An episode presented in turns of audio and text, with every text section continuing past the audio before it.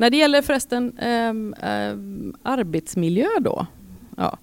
Eh, vi har ju haft väldigt mycket diskussioner hos oss såklart efter metoo. Så vi kommer säkert att börja första arbetsdagen med en genomgång av eh, arbetsmiljö, psykosocial arbetsmiljö, för det har vi gjort sista tre, fyra produktioner nu. Um, så det blir alltså en total genomgång om hur vi pratar med varandra. Eh, och där förväntas ju då regissör och dirigent och andra sitta med oavsett vilket språk vi pratar.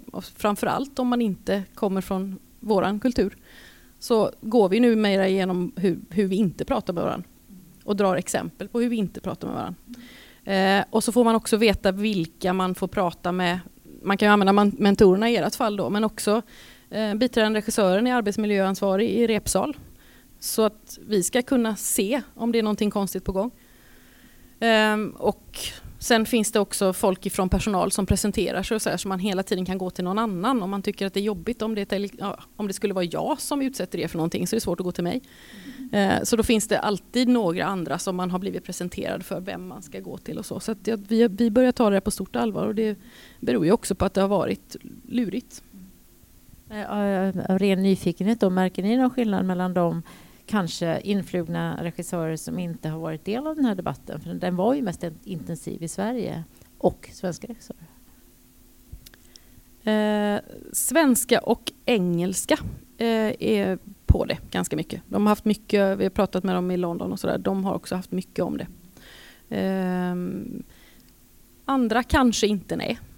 Eh, nej, det blir spännande år. Det här nu då som, som Nina säger att hon, hon har snackat med Teaterförbundet och, och, tycker själv då att, att det inte ska finnas mer än två praktikanter och att man inte ska ha mer än två eller mer än en uppgift per praktikant. Va, vad säger du som får representera arbetsgivarsidan lite grann? Va, skulle det vara rimligt att, att, att gå till någon slags förhandlingsbord på de premisserna? Absolut. Jag tänker att egentligen, jag är mest nyfiken på vad ni tycker. Alltså jag, jag är här idag för att samla in, för att jag också har hört den här kritiken och så tänker jag att det är på ett sätt samma människor som, som du säger. Först så sitter man i skolan och vill jättegärna göra praktik och sen kommer man till utsidan och så tycker man att det tar jobben. Så jag skulle jättegärna vilja veta vad ni tycker och vad, vad egentligen Teaterförbundet och sådär tycker därför att, därför att det är ju ett väldigt bra sätt att skaffa kontakter. Och att skriva på sitt CV att man har jobbat med Lars Rudolfsson. Det är klart att det, det, det funkar lite bättre på de som inte känner er än bara skola. Det, det kommer att vara så liksom. Men det här med då, eh, att det kanske också är en kostnadsfråga. Nu vill inte jag sitta och påstå att, att Göteborgsoperan är jätterik, för jag vet att ni också tampas med stora utmaningar. Men, men kan det också vara så att, att mindre operahus, att det är ännu viktigare för dem att säkerställa att det fortsatt kommer att finnas praktikanter än vad det är för er? Det låter lite som att, att ni gör det för att ni tycker att det är bra, men inte nödvändigt. I detta fallet så gör vi det för att vi tycker det är bra. I, i just det här projektet så, så, tror jag snarare att de hade dragit ner ett par personer. Eh, för det fanns inget antal. Det här är fler personer på scenen än när den gjordes i Fredricia. Eh, så att det är eh, helt klart, ja, jag tror att det är nästan 20 pers mer än, på, än i Fredricia på grund av kören. Eh, så därför behövs inte folk tas in för att vi behöver tre röster till. Eller liksom. Så att i detta fallet så är det nog faktiskt för att det är kul att kunna samarbeta och att, att ni kommer in till oss. Men, men jag kan ju inte svara på om det alltid har varit så, eller om det kommer att bli så. Någon annan gång kanske vi står i kris och vill göra en regionproduktion och vill ta till det här. Så det är svårt, svårt att svara på det. Jag måste bara passa på att säga att ni är naturligtvis hjärtligt välkomna. Det, jag får att låta som att ni inte behövs. Det var inte... Det ska bli jättetrevligt. Det är så här, en studiediplomati här som ni märker hos oss alla. Nej, och jag, jag, alltså det finns nog inget enkelt svar på det, för jag tror att det ser väldigt olika ut. Jag har varit med om olika scenarier helt enkelt. Eh, så att det det jag kan säga med säkerhet är att alla praktikanter tar inte jobb. I vissa fall är det så. Så fyller man en plats som en frilansare eventuellt kunde ha. Um, men återigen, det är, det är in, det är väldigt få platser. Det är, vi pratar inte om liksom 30 jobb per år här. Så att man får se det lite också i perspektiv, tänker jag. Åtminstone när det kommer till musikalpraktikanterna. Det är ju lite, det är fler på teatersidan. Mm. Hanni, du har ju inte varit ute ett år än, men, men har du mött den diskussionen där ute att det här gänget kommer att kanske springa förbi dig? Nej, inte jättemycket faktiskt. Så det är en ständig diskussion hela tiden, just om praktik och sådär. Men nej, inte så mycket. Nina, eh, du har varit inne på det här med praktikavtalen och Mia, du säger att det finns en, en stor vilja och lust att, att, samarbeta.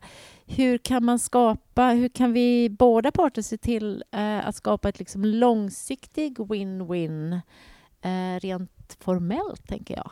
Ja, alltså det, det, ni har ju, det ni gör nu är ju fantastiskt. Och vi har ett till operahus, Värmlandsoperan, i, som, som där också chefen i fråga känner att det här samarbetet är viktigt.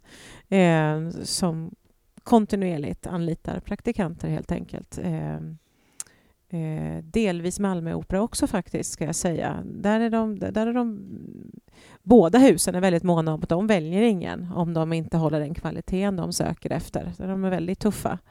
Eh, men jag menar, det är klart att det det ultimata läget vore ju naturligtvis att man tar in utöver det man har tänkt från början så att det verkligen inte stjäls några jobb överhuvudtaget. Man tar in två extra liksom. Eh, det hade ju varit det ultimata läget kan man ju tycka. Eh, jag är lite förvånad över, för att jag trodde nog att det här samtalet jag hade med Teaterförbundet att det skulle leda till en eh, förändring. Jag vet inte om det har gjort det alltså, än. De sitter, vi har ju då valt att inte ha dem med i det här samtalet för att vi ville prata på ett annat sätt. Men jag vet att de sitter i förhandling och att den har mm. tagit lite längre tid än vad de trodde. Okay. Eh, så det är, det är ett pågående samtal. Mm. Mm.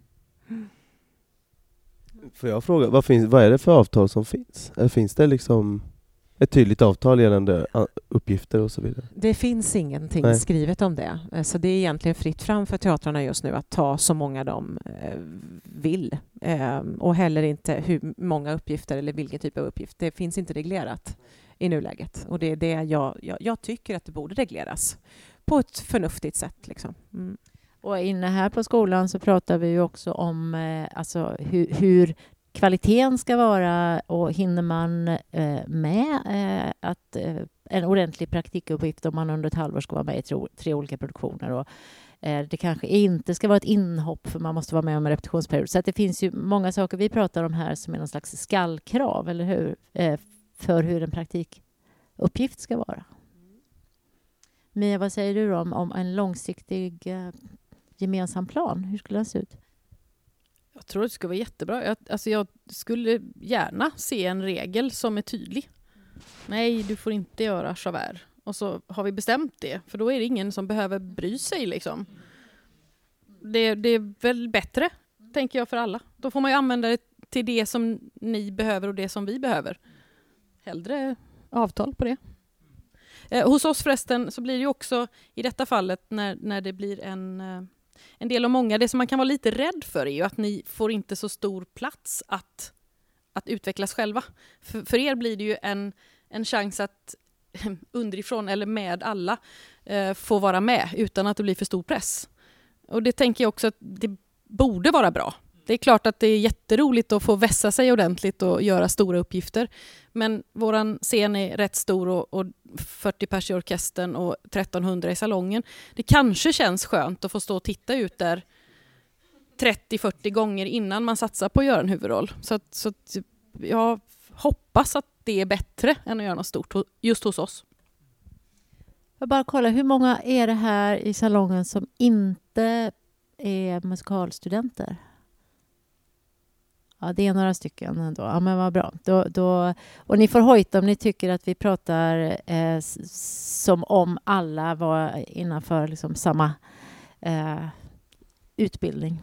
Eh, alltså, inom opera så är ju den internationella marknaden otroligt viktigt. Eh, en, en operasångare lär ju sig under sina år tyska, engelska, italienska och så vidare för att kunna också eh, ja, dels repertoaren i, på, i svenska eh, operahusen men också kunna sjunga utomlands. Eh, hur ser det ut på musikalsidan, Nina? Skämshatten på här. ja, det ser inte riktigt så bra ut tyvärr. Eh, eh, vi hade tidigare, eh, vi pratar kanske tio år sedan, eh, anställda pedagoger som hade connections med Tyskland. Ehm, jag har inte fått med mig de kontakterna, så det har runnit ut i sanden lite. Eh, vi har dock numera, jag har byggt upp ett, sedan fem år tillbaka ett internationellt eh, nätverk med Holland, Tyskland, England och oss, där vi har kontakt med en skola i varje land.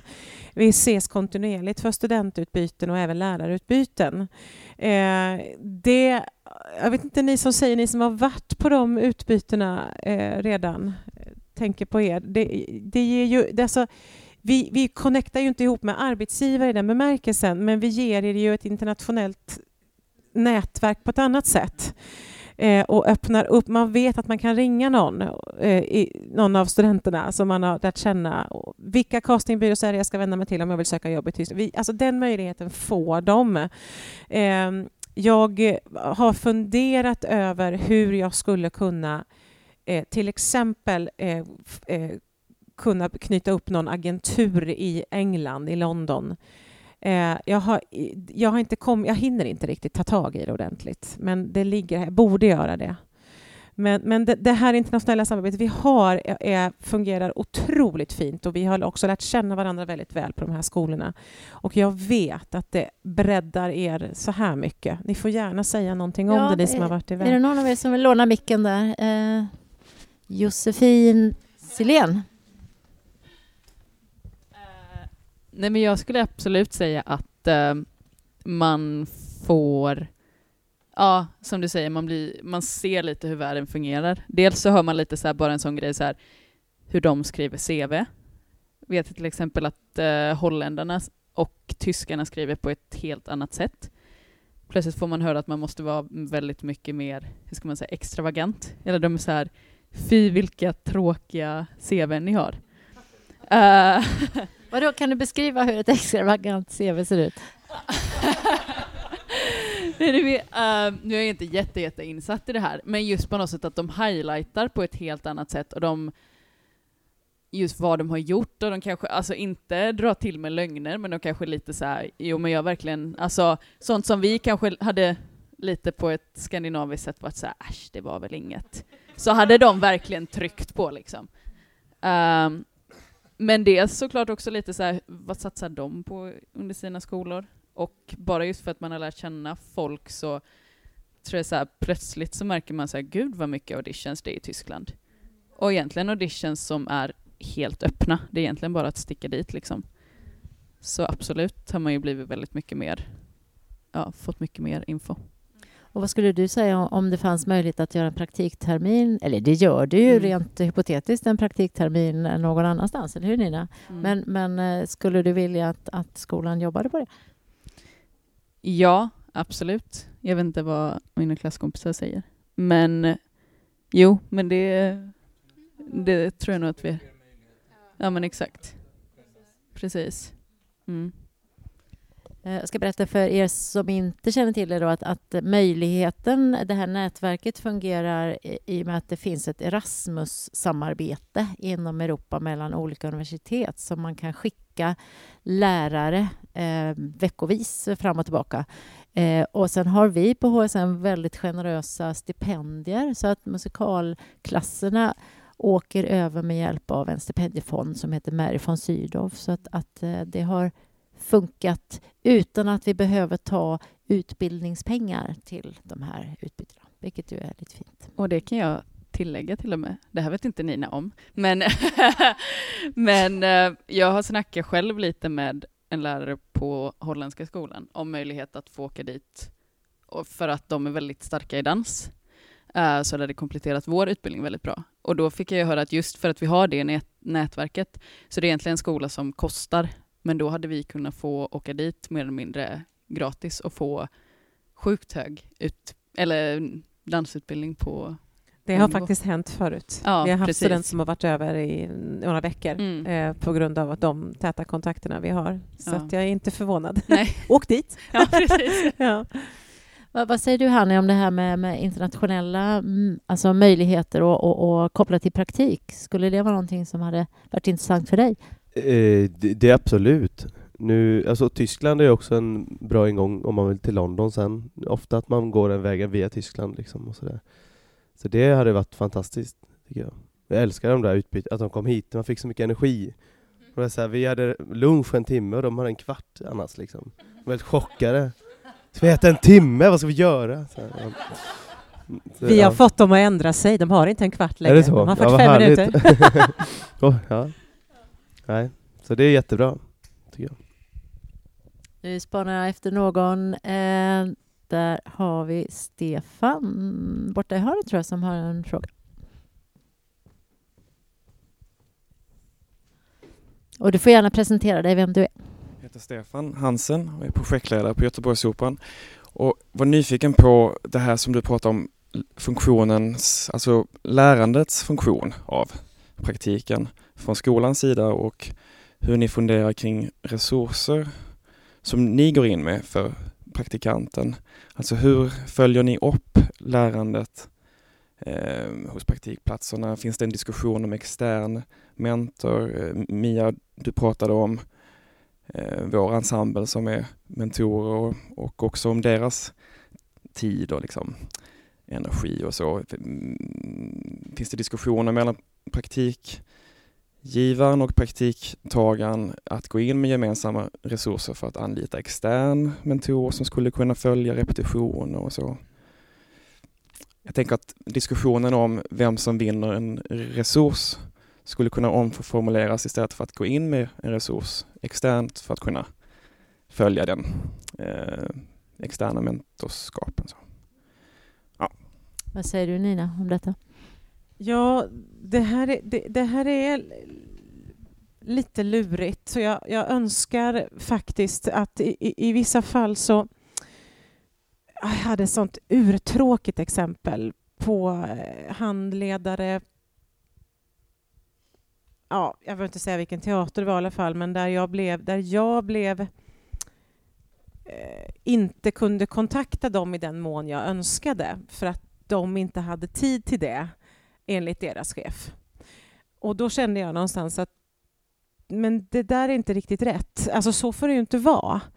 Eh, alltså teatern måste ju investera med det. För det är liksom en förutsättning för att praktiken ska funka. Att det finns en handledare och att handledaren naturligtvis och dels får arbetstid för det att ha de samtalen som, som man anser behövs med praktikanten i fråga. Men också hålla kontakten med mig och kunna rapportera till mig vad som händer. Får inte jag den åt... Jag fick föra någon vet, sån här, på mig, liksom. Jag fick inte ringa. För, och jag kände, men vänta lite här nu, det här var inte riktigt vad vi hade avtalat. Så där måste vi vara tydligare med också vad, vad vi förväntar oss av. Därför har vi, det, vi hade inte så tydligt specificerat i kontrakten innan, men det har vi nu för att försöka komma till rätta med det då. Um, sen så, jag önskar ju egentligen att vi kunde ha ännu mer uppföljning. Eh, faktiskt. Eh, jag försöker i den mån jag kan och har tid till att liksom finnas där och vara där.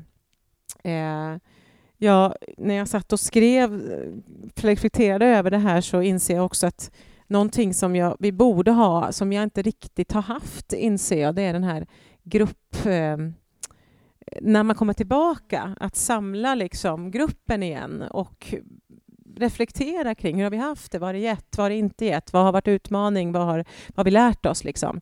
Det har jag inte riktigt gjort ordentligt känner jag. Eh, så det ska jag ta med mig bara efter, över efter liksom, svara på de här frågorna. Eh, få till det. Jag vet att skådespelarna är väldigt duktiga på det, att samla upp efteråt i gruppen. Och det har, kan vi bli bättre på, ska jag säga. Om jag förstod dig rätt, Stefan, så, så funderar du över en extern resurs eh, som är till både för teatern och studenten? Endast för studenten? Stud-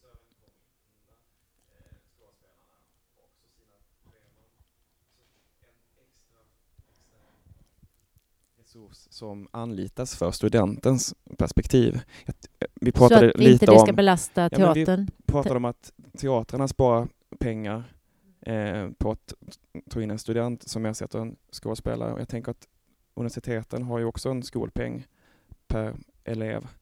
Och att jag pratar om den fackliga rättigheten för liksom studentens eh, perspektiv. För att det är studenten som har pengarna. Studenten är slanten och hur man säkerställer det så att pengarna går till rätt eh, lärandet. Vad säger du om det Nina?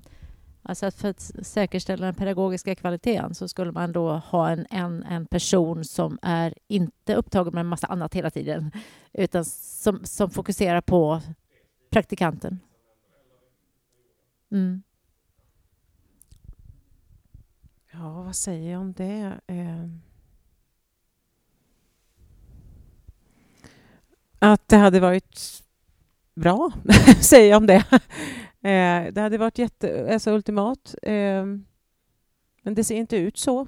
Alltså det, någonstans kräver vi ju, det är ju det vi kräver av handledarna egentligen. Det fungerar i vissa fall jättebra, i vissa fall mindre bra. Ehm, men det är ju, det är ju, den, det, är ju det handledaren är där för, tänker jag. Framför allt. Och det försöker vi vara tydliga med också. Men det är ju som här ni säger också att det är, ju- det är inte alltid de samtalen sker på det viset ur ett lärandeperspektiv. Eh, vissa handledare är jätteskickliga och duktiga med det men alla är inte det. Vad säger Mia om detta? Ja, jag sitter och gör grimaser känner jag. Eh, jag, jag, jag eh, kanske har tänkt fel. Alltså jag, jag tänker att det är viktigt för er att komma in till oss. Jag tänker att om man ska ha en handledare så ska det vara någon från oss. Men det är möjligt att det skulle kunna vara någon som inte är så fast i just den produktionen i så fall. Som skulle kunna ha mera tid. Å andra sidan så kommer de här tre herrarna, om det nu blir dem, att vara med i produktionen precis hela tiden och finnas och se vad ni gör och ni, ni kan titta på dem och de kan reflektera med er. Eh, så jag det tror blir... att det är en förutsättning. Ja, jag att det tror- är någon som ändå är där och följ, följer processen Men med sen, studenten. men sen kanske man måste gå igenom även med dem, så att de, då måste ju de kunna acceptera hur mycket tid det kommer att ta ifrån dem också. Det är inte bara från arbetsgivaren utan det måste ju även de här tre herrarna i så fall veta om det kommer att kräva mycket mer tid. För engagemang kräver det ju såklart. De kan ju inte inte bry sig. Där viftar... Jag tänkte på det, för vad är Vill liksom... du presentera dig Johanna? Ja, ja, ja, jag heter Johanna. och jag går på eh, ja, musikal i tvåan. Eh, och eh, jag är en av de som ska göra praktik nu på Göteborgsoperan. Och jag tänkte fråga just det här, vad är, vad är en handledare liksom egentligen? Vad är deras skyldigheter gentemot mig som praktikant och vad är min skyldighet gentemot Eh, min handledare liksom? Och vad, hur ska kommunikationen vara? Och jag vet inte, jag, jag bara undrar liksom, vad är egentligen en handledare? För att det kan ju vara allt från att man får en jättebra personlig relation till dem till att det, det inte blir någonting alls. Liksom. Jag vet inte vad... vad ja. Ja, det är nog egentligen vad skolan förväntar sig i så fall. För vi, ut, utifrån mig, jag skulle bara säga att, att jag känner mig trygg med att ni har någon ni kan vända er till. Nu vet ju jag att, det finns, att jag är där och så finns det två till sådana av mig och sen har vi en inspicient och så här. Så det, hos, hos oss finns det ganska många som ni kan vända er till när ni blir otrygga. Och projektledaren naturligtvis. Även om inte hon är på repsal hela tiden så kommer hon att vara i närheten. Men rent pedagogiskt så antar jag att ni egentligen vill någonting annat av, av dem. Fast det är ju också så, vi, alltså vi, det är ju inte, vi kan ju inte kräva det. Alltså det alltså en, jag menar på att det, det är i mångt och mycket att finnas där. Vara någon som är nära, nära arbetet, som också följer ert arbete och ser hur det, hur det funkar liksom. Och som kan prata med mig om hur har det gått liksom. Jag är ju inte där, jag kommer att se en, en föreställning så jag behöver höra hur, hur har processen varit. Eh, det ska naturligtvis vara någon som, är, som, som har stått på scen själv, som, som vet vad det krävs, eh, vad som krävs och kunna ha en dialog. Och jag menar, jag, jag tror inte, det här borde vi kanske bli tydligare med att stolpa upp och beskriva. Och hur ofta ses man? Eh, vad ska samtalen handla om? Ska det bara ske samtal vid behov av samtal eller inte? Jag vet inte. Ja, vi har inga tydliga riktlinjer för det. Eh, men vi kanske borde skapa det. Eh, så tänkte jag högt nu. Ja. Hanni, minns du när, när du sökte dig till en handledare, minns du vad det, vad det var för slags situationer som du sökte då? Eller som det händer inte så ofta att jag behöver... Alltså jag, jag det är en jättebra skådespelarensemble på Spira, och jag blev väldigt bra vän med allihopa. Liksom. Så det kändes som jag hade nio stycken handledare runt omkring mig hela tiden. Liksom. Så det var inte så mycket jag behövde egentligen. Så. Men eh, du har ju haft klasskompisar som har varit ute också. Eh, har du något exempel på, på vad en handledare kan betyda förutom att vara en, liksom ett, ett skönt sammanhang? Eh, eller någon av er? Inte så... Ehm, nej men alltså finnas där som stöd och, och hjälp. Om man inte vill gå till regissören, ska att man har någon att vända sig till liksom.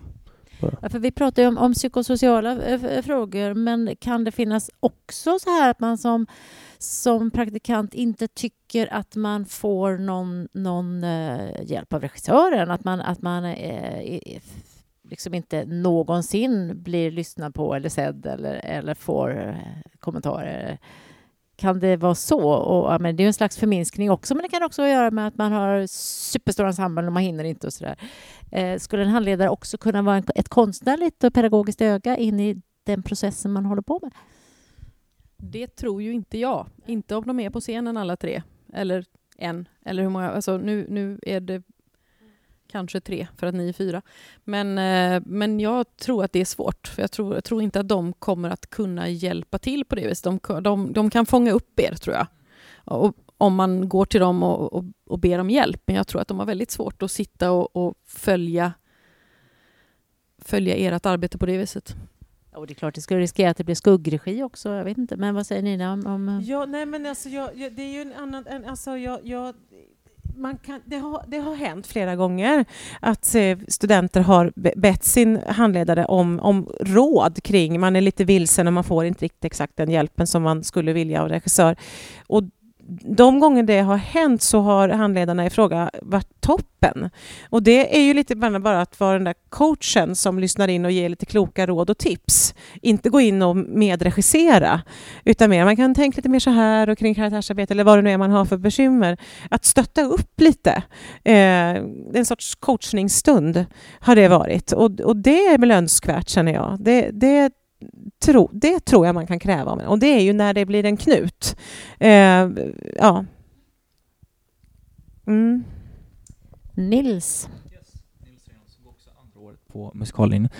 Eh, jag tänker lite på det här som vi pratar om som har att göra med att eh, vi och du då kanske Nina konstaterat att det kanske skulle vara bra att ha en större sammans eller återsamling när praktiken är över och ses i grupp för oss som elever som har varit på praktikplatser och även för dig som lärare och huvudansvarig på utbildningen.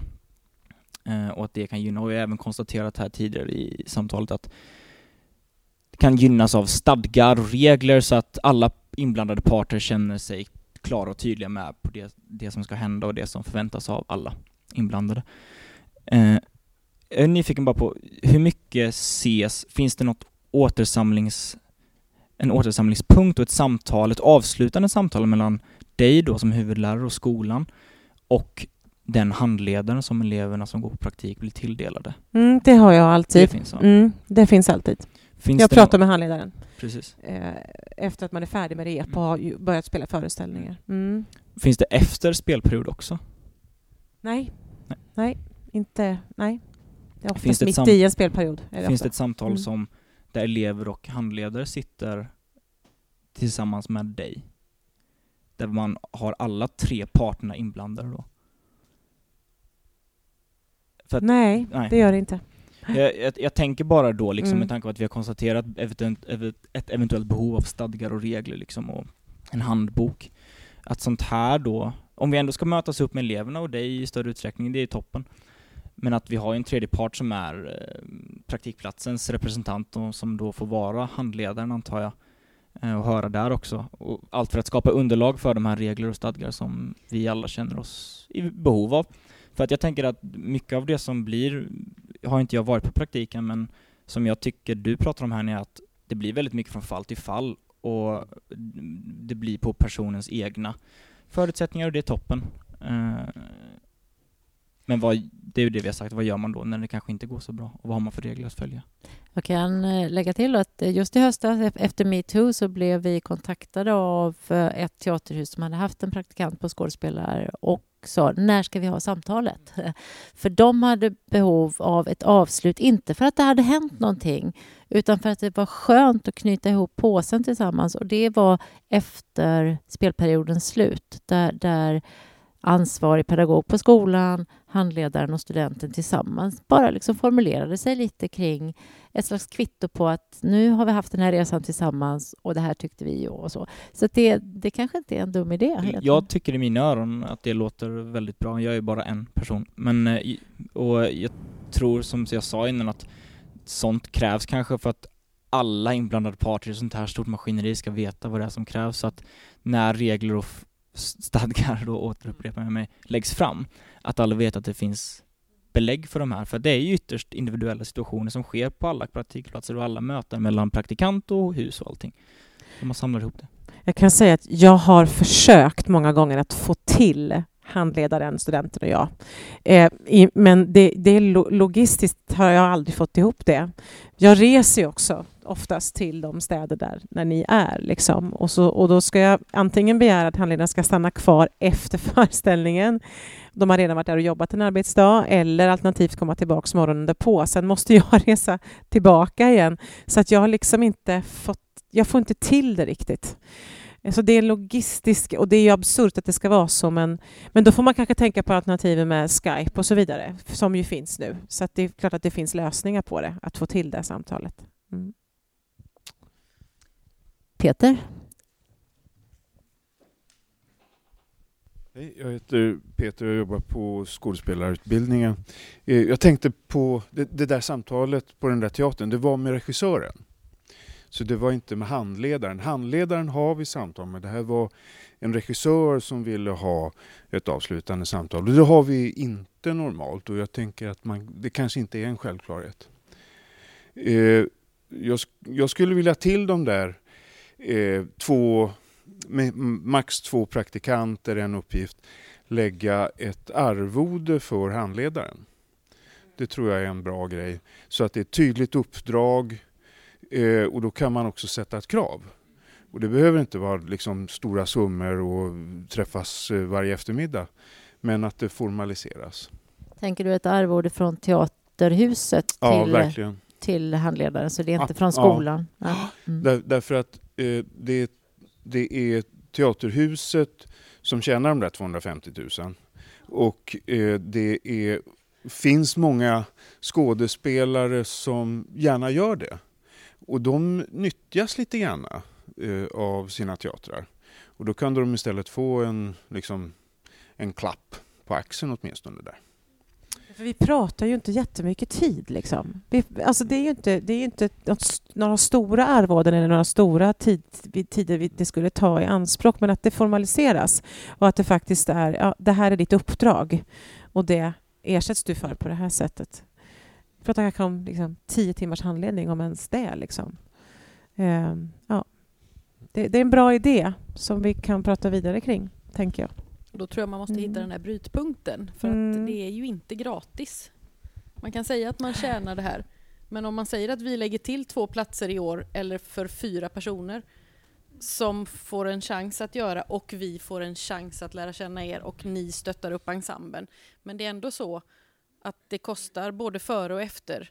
Och det kostar i kostymer och det kostar, om det dessutom då kostar i handledare så kanske man måste titta på den brytpunkten vad, vad det faktiskt skulle bli så att nej, vi kör på två, två mindre och förlorar hela, hela kontaktytan istället. Liksom. Kanske skönt att vi inte delar det där eh, förhandlingen mellan... för det låter som det är lite komplicerat. Men, men, och det är nog därför också det tar den här tiden, för att man behöver väga in sådana både praktiska och ekonomiska frågor. Liksom.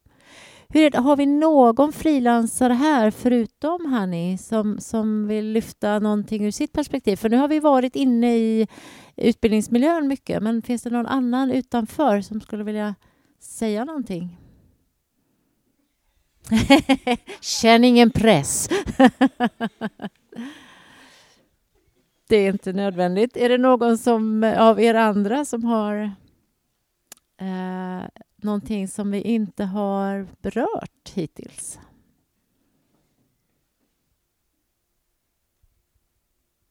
I så fall så, så tänker jag, för jag misstänker att vi inte får vår, vår kära Staffan Aspegren hit, att vi tar en avslutande runda eh, kring... Eh, Hanni, jag vet att jag förberedde dig på fråga om du hade gjort om om du skulle göra praktiken igen, hur skulle du vilja att den såg ut då? Det får du gärna svara på, men också sen eh, annat som du reflekterar över under kvällen. Eh, ah, jag tjatar om att jag är så nöjd med min praktik, men det är jag faktiskt. Jag, nej, men jag växte jättemycket där, liksom hela skolperioden är ett ständigt sökande av sig själv och så kommer man ut dit och så, ja men mycket faller på plats liksom. Och det är en skjuts ut i arbetslivet och sådär. Men det är klart att det hade varit bra med, med specifika regler kanske. Och, alltså, att praktikanterna gör ensembleplatser. Och, men då är också frågan om man skulle få en stor roll, så här, för att du gör den här bäst, vi vill att du gör den. Ska man ta ifrån den personen det uppdraget då? Det, då kanske det måste vara någon annan alternativ lösning, att det blir ett jobb eller studieuppehåll eller att man gör det på, istället för något annat kanske. Men eh, jag, jag gillar praktik. Så, mm. Tack. Nina, vad tänker du efter den här dryga ja, timmens samtal? Ja, nej, jag tar med mig, och jag fick med mig det delvis redan när jag liksom fick grotta ner mig lite i de frågorna du hade skickat, men eh, jag kommer att stå bakom och driva vidare, alltså att det ska till regeländringar. Jag, jag tror att det är viktigt. Eh, eh, ja, nya regler kring hur många praktikanter, eh, hur många produktioner och så vidare. Eh, det kommer jag ha ett öga på. Eh, jag tar också med mig att ehm, se till att jag följer upp det lite bättre i gruppen efter en praktik. Jag måste fundera och lura vidare kring det här med handledning eh, och jag tänker att vi ska gå samman och prata om det faktiskt, eh, hela scenområdet eh, och ha en dialog med teatrarna också i frågan vad som är möjligt. Eh, så det plockar jag med mig härifrån, helt klart. Mm. Jag ska säga apropå det också att, att vi tror och hoppas att vi kommer ha en operamaster här om några år och då är tanken att där ska det vara praktik också så att eh, Mia, ni kommer att bli översköljda av frågor från oss på sikt. Tack Nina, vad säger du Mia? Jag börjar med att undra då att om, om man skulle ha en, en, eh, en, regel på det, att man inte fick göra huvudroll, skulle de här personerna inte få ledigt och studieuppehåll då? Om man betalar? Alltså, jag menar, om man för det första. Jag, jag, tror inte att det är bra. Det, den regeln tycker inte jag ska ändras, vilken typ av uppgift man får. Däremot begränsa antalet prakti alltså praktikanter i en uppsättning. Så, men det har hänt. Jag menar, vi har haft studenter som har sökt praktik, som har fått en bra uppgift, som har valt att ta studieuppehåll och istället tagit det som ett jobb. Det har hänt tidigare, så det är fullt möjligt. Skulle vi då som är så stora kunna tänka oss att få procent på hur många som är med istället för ett antal? Jag tänker om man är 50-60 på scenen så kanske inte fyra stycken är så himla farligt. Man får en väldigt stor känsla av arbetsplatsen och många egna kontakter och det blir inte jag tror, jag tror inte, man tar jag liksom räknar ju någonstans över. de här fyra som två, det förstår du va? Jag förstår, jag förstår det. ja. Mm. ja. Härligt att du tänker så praktiskt, det är underbart. Är så jag jobbar. Om man, om man tittar vidare på, på kvaliteten från, från er sida, att få in unga praktikanter till er miljö, har, har det någon betydelse? Jag tror att jag är född nyfiken. Jag tycker det är jätte, jätteroligt att se på alla som kommer ut och jag försöker komma och se allting ni gör och sådär. Så att jag tycker att det, jag tycker att det är genuint jättekul. Eh, Steven tycker det också, har inte lika stor chans att komma på allting, men han är också en väldigt, väldigt nyfiken människa. Så det är roligt på så många sätt. Det är kul att få in nya nyfikna i huset. Nu kommer ju ni att komma in tillsammans med Många från huset och många frilansare. Så, att, så ni blir ju som några andra frilansare. Ni kommer ju få samma introduktion som dem eh, ni, när det gäller arbetsmiljö och planeringssystem. Och liksom. Så ni blir ju inte de enda nya i huset. Jag kan tänka mig att det blir lite annorlunda om man kommer in i en skådespelarensemble där, där alla andra är fasta och så kommer det in två praktikanter. Hos oss tror jag inte att någon kommer att känna sig som elev. Man är en i ensemblen och då kanske snarare det största risken är att vi glömmer av att ni är elever. Att då kanske ni måste knacka på och säga jag är inte klar här, jag fattar inte, jag måste ha min, min, min mentor till det här liksom, eller så, handledare. För att det är större risk tror jag än att ni ska bli sedda som, som elever. Ah, en fråga till. Nu har vi en mikrofon där, Sassa. Jo, nej men jag kommer att tänka på det att om man skulle reglera det så att man bara får göra en äh, praktik. Um, så då börjar jag fundera lite för oss som ju har um, uppsättningar som tar slut i december. Uh, jag kommer till exempel spela sista, sista december. Um, och vi är några andra också som har samma. Och då om man skulle bli erbjuden något projekt, eh, för att vi, väl, vi är lediga mer eller mindre, eller lediga, vi har ju vårt självständiga arbete som vi kommer flitigt skriva på. Skriva uppsats. Ja. men, men i princip, vi har liksom inget schemalagt på det sättet. Om då den teater man har gjort sin praktik skulle erbjuda att vi skulle få medverka i ett projekt, är det då något vi egentligen borde tacka nej till? Alltså, än så länge är ju inte detta reglerat. Det finns inga nya avtal. Alltså, än så länge är man fri att göra egentligen som man vill. Mm. Så att i, i, nuläget, men, men det är det här som jag tror att vi bör försöka få till en ändring och vi vet att Teaterförbundet just nu har de här diskussionerna uppe på bordet. Så det kan komma till en förändring och då får man inte göra en praktikgrej till, helt enkelt, en någon sorts produktion till, utan då får man bli anställd som, som vilken frilansare som helst. Och det kan man ju bli om man har en lucka, så att säga. Men, men i, i, nu, i det, som det ser ut nu så är man fri att tacka ja till något sånt. För det är inte reglerat än. Men troligen är det det inom en ganska snar framtid, gissar jag. Siar jag. Mm. Jag tänker att många av er som är här ikväll och även de som kommer till nästa kväll om det här kommer ju att bli frilansare så att det är ju väldigt, väldigt viktigt att vi själva också har en eh, stor förståelse för de synpunkter som har kommit fram och att vi jobbar fram till en, ett, ett sätt att förhålla oss till varandra som, som bär hela vägen för alla. Eh, jag tror att eh, vi har... Eller jag tycker att vi har gått igenom väldigt många bra frågor och att vi har fått ut väldigt mycket av det här samtalet. Eh, Nästa gång är alltså den 9 april. Då är det Peter Melin som är moderator och vid sin sida har han Karin de Frummeri som är frilansande skådespelare, Lasse Melin som är konstnärlig ledare för Regionteater Västteater, eller skå, eh, ja, teater, och eh, Måns Lagerlöf eh, som är avgående konstnärlig ledare för Riksteatern. Vi jobbar också på att få ett namn ifrån Dramaten, men vi är inte hela vägen framme där. Så stort tack för ikväll, eh, Hanni, eh, Nina och Mia och tack alla för att ni kom hit ikväll. Vi ses igen.